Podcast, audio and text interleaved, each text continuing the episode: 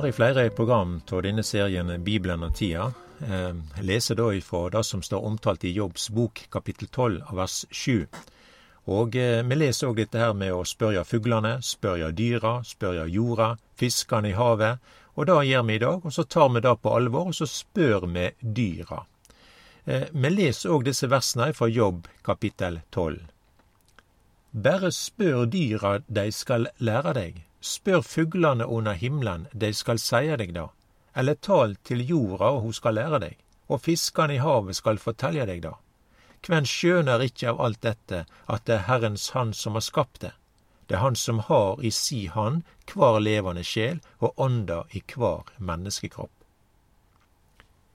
Bibelen er jo veldig mangfoldig og rik, og her er det jo ikke noen begrensninger på noen måte. og Det har sin årsak i det at det, Bibelen er jo ikke noe menneskeord, men er Guds ord. Bibelen er det levende ordet, og grunnen til det er at Jesus lever. Og når vi da gjør det på denne måten med å spørre dyra, så la oss ta fram lammet. Det er jo veldig mye omtalt eh, i Bibelen, et omtalt dyr. Og eh, blant alle dyr i Bibelen så er det jo ikke noe annet dyr som er så tett på forsoninga som det som lammet er. Vi ser det til dømes når jødene gikk ut ifra Egypten, og da ble det slakta et lam. Utfrielsen skjer ved død, og det var lammet som ble slakta.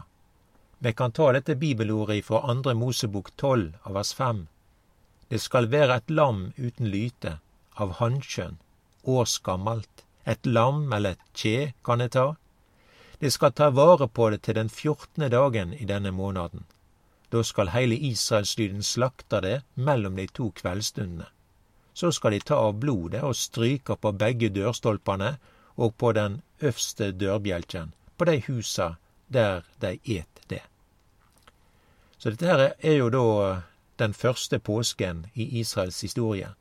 Heile eh, folket her, og eh, vært utfridd. Altså, det er jo Israels Gud som iverksetter ei frelse fra trellekårene, og det er lammet som står sentralt, og alt dette er et forbilde på Guds lam. Det skjer en død i Egypten. Alt det førstefødte da lyt døy der, både blant dyr og menneske, og det, både den som var fattig og den som var rik, og uansett så vart alle råka i dommen der i Egypten. Men det er noen da som ikke vert ramma av dette her, og det er da de som har tatt et lam, slakta det og blodet vart strøket på dørkamrene. Under blodets beskyttelse så var de trygge. Det var ikke deres eget blod, men det var blodet fra lammet.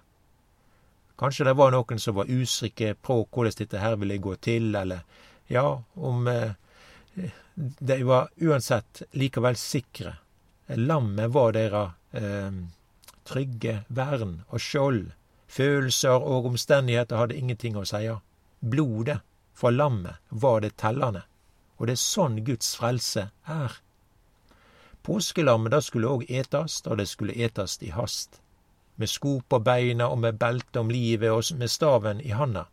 Lammet var ikke til pynt. Lammet skulle nyttast, og det var mat for folket. Og det var faren i huset som hadde ansvaret for å ta ut lammet til familien. Det står i vers tre i denne første, eller i andre Mosebok kapittel tolv. Tal til heile Israelslyden og sei, på den tiende dagen i denne måneden skal hver husfar ta seg ut et lam, et lam for hvert hus. Så jeg tror det forteller noe om det ansvaret mannen har, og det som en far har for heimen sin. Det er å peike på lammet. Det er et bestemt lam og det er Jesus som Guds lam. Døyperen Johannes han sa det jo på denne måten her når han så Jesus. Sjå dar, Guds lam, som bærer verdens synd. Og Gjennom Det hele gamle testamentet så ser vi de mange eh, forbilder som er på Jesus da. Og, eh, og dette med utgangen fra Egypten, det er jo et sterkt forbilde på Guds frelse. Og det er lammet som står sentralt. Israel måtte friast ut fra Egypten og faraos grep. Folket var treller, og Herren fria de ut med at lammet ble slakta, og blodet strøket på dørkarmene.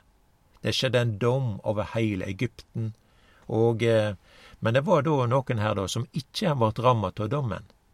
Og det var da de som hadde blodet på dørkarmene. Det var blodet fra lammet. Lammet var en stedfortreder. Lammet døde for folket. Og det er dette som er utfrielsen fra Egypt. Dette handler om Guds frelse. Mennesket er på samme måte her, da, bunden til verden og til synder. En er synder sin trell. Og dette her er av et sånt omfang at dette her er noe som en ikke makter å gjøre tiltak, eller har ressurser til, eller, eller kan betale seg ut ifra på egen hånd. Men Herren han har gjort noe med menneskets største problem. Herren sjølv tok synda, gjeldsbrevet og alt som gikk oss imot. Han som ikke visste av synd, har Gud gjort til synd for oss, for at vi i Han skulle verta rettferdige for Gud i Jesus. Og vi kan òg lese dette her i Kolosserbrevet kapittel 1 her, av vers 13. Han er den som fridde oss ut om mørkets makt, og har satt oss over i sin kjære Sønns rike. Så da å være en kristen, da er å være løyst ifra mørkets makt. Satan og djevelen og døden og mørket har ingenting de skulle ha sagt. På samme måte som vi ser at lammet vart slakta der i Egypten, slik er vårt påskelam slakta. Og det leser du her i første Korinterbrev, kapittel fem og vers sju. Rensa difor ut den gamle surdeigen, så det kan være ny deig, siden det er usyrte. For vårt påskelam er slakta, Kristus. Så det som Jesus da gjorde med sin død, det var en stedfortredende død. Og på korset ble det gjort soning for synder. Og vi kan òg lese dette her at vårt gjeldsbrev, det som gikk oss imot, det var teken bort. Så det er òg å lese da i Bibelen at Gud han har vist sin rettferdighet. Og han kan si den rettferdig, som har trua på Jesus. Jesus gjorde dette Golgataverket ein gong for alle. Det skal ikke gjøres meir.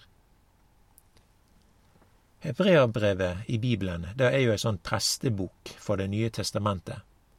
Her leser vi både om presten og tempeltjenester, og òg det som har med offerets betydning. Så leser vi da her i Hebreabrevet at eh, Jesus, han er presten, og han var òg offeret som vart frambrakt. Hebreabrevet 9 vers 11. Men da Kristus kom som øversteprest for dei gode som skulle komme, gikk han igjennom det teltet som er større og mer fullkomne, som ikke er gjort med hender, og, og da vil seia, som ikkje er av denne skapning, ikkje med blod av bukkar og kalvar, men med sitt eige blod gjekk han inn i heilagdommen, ein gong for alle, og fann ei evig utløysing. Vi kan òg ta med det som Peter omtaler angående saken i første Peters brev, kapittel 1. For de veit at det var ikkje med noe forgjengelege, med sølv eller gull, var kjøpte fri for den dårlige færa, som var arva fra fedrene, men med Kristi dyre blod, som blod av et ulastande og lyteløst lam. Han var kjent før åt, før været vart grunnlagt, og for dykkar skuld har han vorte åpenbær ved enden av tidene. Så når vi da les dette, så skjønner vi hvorfor lammet er så sentralt i Bibelen vår. Det taler så sterkt om stedfortrederen og om soning. Det er Guds lam. Så når vi da spør dyra her, sånn som Jobb da forteller, og, og, og, lammet, så eh, leste vi òg her fra Jobb kapittel 12 at dette her dette her er ikke noe som er noe menneske har gjort, men det, det, er Herrens Hand som har gjort det. Vi leste Kven skjønner ikke av alt dette at det er Herrens Hand som har skapt det? Og denne handa her, da er ei frelserhand. Det er noe som Gud sjølv har tatt hand om og gjort til frigjering for alle. I Guds rike da er det et sånt varemerke, og da er lammet. Og når vi ser et lam, skal der minne deg om Jesus som Guds lam. Profeten Jesajas boke taler òg om lammet, kapittel 53, og vi leser fra vers 5. Han vart såra for våre brudd, knust for våre synder. Straffa låg på han så vi skulle ha fred, og ved hans sår har vi fått lekedom. Vi får alle vilt som sauer, vi vender oss kvar til sin vei. Men Herren let råka han det som vi hadde skyld i alle. Han vart ille medfaren, han vart plaga, men han let ikkje opp sin munn, lik et lam som vert ført bort for å slaktast, og lik en sau som teier når han vert klipt.